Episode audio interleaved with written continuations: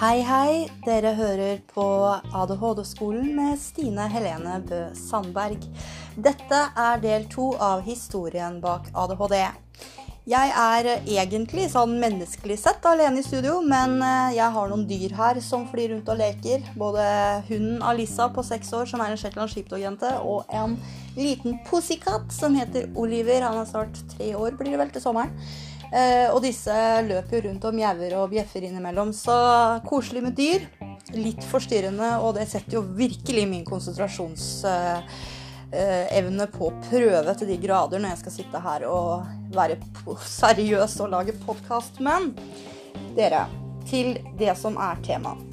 Vi prater om hvordan ADHD-diagnosen fikk se dagens lys. Når skjedde dette? Hva skjedde, og hvordan skjedde det? Vi har prata i del én, eh, som ligger ute på Facebook-sida til ADHD-skolen. Eh, der har vi allerede vært innom eh, den første delen, både med det som skjedde i 1902, da George Still, altså professoren, eh, hadde foredrag i London hvor han prater om 20 barn som han sjøl hadde undersøkt, hvilke symptomer osv. han fant. Vi ser at både professor George Still og en eh, annen kjekkas, forfatteren Thomas Treadgold, han, disse to skriver jo begge to, da, eller uttaler begge to, at denne diagnosen eh, som de da har mange forskjellige navn og begreper på. Eh, altså Symptomene er ganske like de vi ser i dag, men det som da irriterer Stinemor grenseløst, det er jo at man assosierer ADHD med nettopp en hjerneskade, og det er det jo ikke snakk om. Som jeg sa i forrige podkast, jeg kan jo gjenta meg selv, jeg får aldri sagt det her nok, ADHD er ingen hjerneskade. Det er en kronisk tilstand som oppstår når man er født med for lite av stoffet dopamin i hjernens frontallapp, altså pannelappen som sitter helt foran hjernen. Eh, og det er heller ingen sykdom, for sykdommer de går du til legen og får midler mot som du blir frisk av. Det eneste vi med ADHD har, det er jo sentralstimulerende legemidler, som f.eks. Ritalin, Concerta ja, og den type ting. Eh, for oss så kan jo eh, sånne medisiner være til god hjelp. For andre som ikke har ADHD, kan man kanskje si at man har et rusmiddel. Og, og det er jo det som skiller oss veldig fra, fra mennesker uten ADHD. At vi får jo ikke samme Eh, type si, reaksjoner. Eh, får ikke noe rus ut av sånne medisiner. Vi får rett og slett en lindrende hjelp til å bli mer konsentrerte, få livet mer stabilt og være mer her og nå til stede i det vi gjør. Eh, noe annet som jeg har lyst til å trekke fram, det er jo det at denne diagnosen ADHD den har jo ikke bare hett ADHD, og det kommer jo mer tilbake til.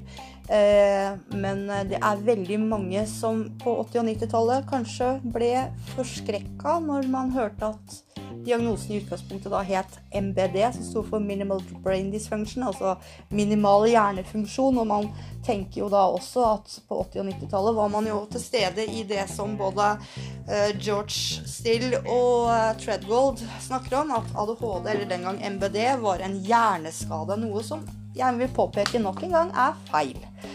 Eh, mellom året 1917 og 1920 så var forståelsen av hyperaktivitet hos eller hyperaktiv atferd hos barn knytta sammen med det man kaller følgetilstander, som også betegner en konsekvens av at man f.eks. Eh, har en psykisk sykdomstilstand eh, som har pågått for lenge, over for lang tid, hvor man eh, ikke har fått hjelp og behandling for disse symptomene og ikke fått en oppfølging som man har behov for. Fordi det er eh, en følge av å ha kjempa for hardt for lenge med noe man ikke har fått hjelp til på et tidligere tidspunkt. Og da blir det en følgetilstand. Altså en tilleggsvanske vil være noe annet, for det er noe man har ved siden av hoveddiagnosen. Eh, som også kan være med på å påvirke den sentrale, eh, hovedsakelige diagnosen. Og at disse to, eh, hoveddiagnose og tilleggsvanske, kan gå litt hånd i hanske av og til. Eller kanskje ikke i det hele tatt, at de motstrider hverandre veldig, og det blir en krasj. Eh, ja, videre så prater man jo om, da, at, eh, at man i denne forbindelse, når man snakker om følgetilstander, eh, så snakker man jo om at det, det, det, er, det er mange faktorer, da. Det er eh, mye som kan spille inn, og der har man diskutert langt om lenge og lenger enn langt. Og man kommer vel egentlig aldri fram til noe helt konkret, fordi vi alle er så forskjellige, og det er så veldig vanskelig å behandle eh, alle mennesker likt for en diagnose som kan oppleves og utarte seg så forskjellig hos så mange av oss.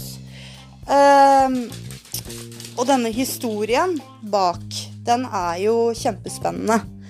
Eh, det som jeg bet meg merke i første gangen når jeg eh, leste hele den historien her komplett, da, det var jo at man eh, Ja.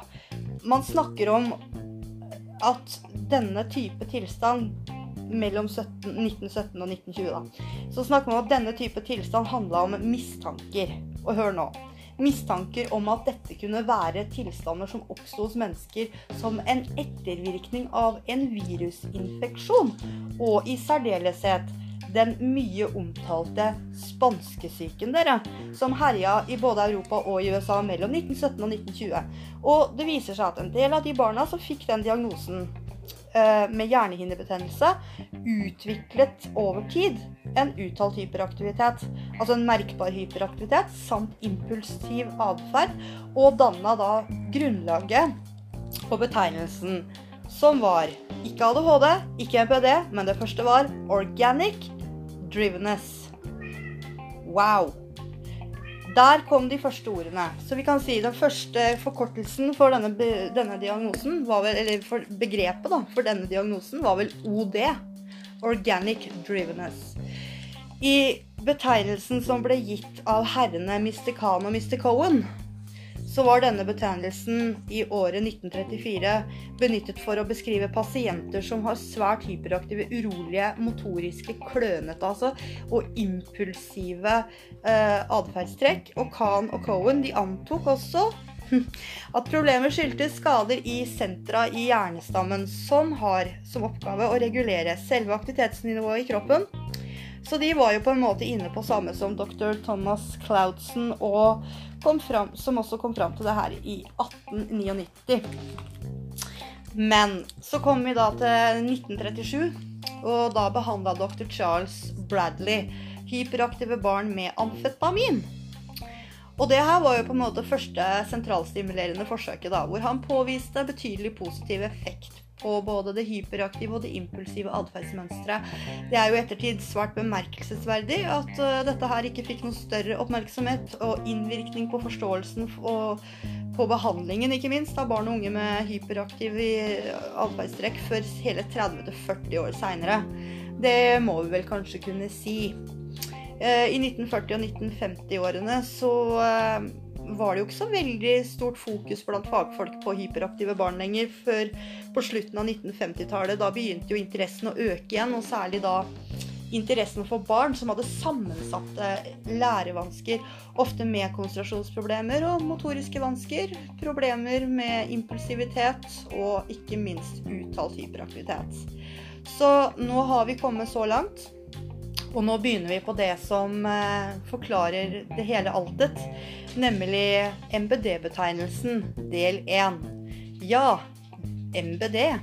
Det kunne man bruke mange morsomme uttrykk for. Min mor husker jeg sa 'mor bare diller', for hun leste en bok som het det. MBD, mor bare diller. Uh, eh, MBD står jo for Minimal Brain Damage i utgangspunktet. Og så var det noen som gjorde det om til minimal brain dysfunction senere i 1963. Betegnelsen minimal brain damage uh, oppsto fordi at man antok at denne atferden hos barn dreide seg om en mindre, men likevel eksisterende mild hjerneskade. Nok en gang Bert feil. men det er jo det man trodde den gang. Så har du 1960-årene. I begynnelsen av 1960-årene så var det flere som tok til orde mot hypoteser om hyperaktivitet og andre typer for atferdsproblemer. Eh, man kunne betrakte som et uttrykk da, for en hjerneskade. Eh, men man ønsket jo heller ikke å Eller hva skal jeg si, man ønsket vel heller å, bes å beskrive det her da som en hjernedysfunksjon. Som, eh, som, er jo et uttrykk for at visse områder i hjernen ikke fungerer som de skulle, og dermed ga problemer med funksjonsevne eller fungeringsevne. Spennende. 1963. Dere, da ble det foreslått å bytte betegnelse til Minimal Brain Dysfunction, som forkortes med MBD. Og dette ble jo da samlebegrepet for alle barna og ungdommene som hadde sammensatte problemer, og da inkluderte i praksis de som med dagens symptombilder tilsvarer diagnosen ADHD. Eh, men i 1960- og 1970-tallet da, så ble det jo gjort mye forskning, og selve kunnskapen om barn og ungdom med MBD det økte jo betraktelig. Man tilegnet seg jo kunnskap som, om ulike ytringsformer og årsaker og behandlingsformer og behandlingseffekter, ikke minst, og mye mer. Eh, som en del av dette så ble jo også dr. Bradleys funn om effekter av sentralstimulerende de ble jo nå tatt i bruk. Hurra! så vi kan vel si at eh, på 1960- og 70-tallet så kom det store sentralstimulerende gjennombruddet. Eh, og MBD-betegnelsen i del to, som jeg har eh, Jeg har jo skrevet en sånn manual for meg selv, hvor jeg har funnet litt her og funnet litt der, og så har jeg sammensatt det til en sånn ja, et sånn skal kalle sammendrag av alt jeg har lest. da. Så i begrepet, i begrepet om MBD del 2 så står det jo at eh, denne MBD-betegnelsen den romma jo mange barn og ungdommers ulike funksjonsvansker. da. Dette var jo både en fordel og en ulempe, fordi at man også først og fremst så ut til å være eh, at man kunne oppdage MBD tidlig og hjelpe barn på et tidlig stadie. Det var jo på en måte det, det som var bra. Men ulempene, det var den heterogeniteten i gruppa. Eh, parallelt med arbeider om eh, MBD, så kom jo også en artikkel om barn og ungdom som var betydelig hyperaktive, og det er betegnelser om hyperkinetisk atferdssyndrom, eller hyperkinetic eller kinetic behavior syndrome og hyperkinetic impulse disorder. Det var de to som ble tatt i bruk. Og da det amerikanske diagnosesystemet, altså Diagnostic, Diagnostic and Statistical Manual of Mental Disorders, altså DSM som det heter, kom med sin andre utgave i 1968, så inkluderte det tilstanden hyperkinetic uh, reaction of childhood. Uh, litt vanskelig å, be å, beskrive eller forklare hyperkinetic, men uh, man har jo også i Norge brukt uh, betegnelsen hyperkinesisk eller hy hyperkinetisk uh, atferdsforstyrrelse. Så det her var da podkast to. den tredje og siste, den kommer snart. På gjenhør, følg med. Stay tuned for more information about ADHD. Ha en god dag så lenge. Snart tilbake.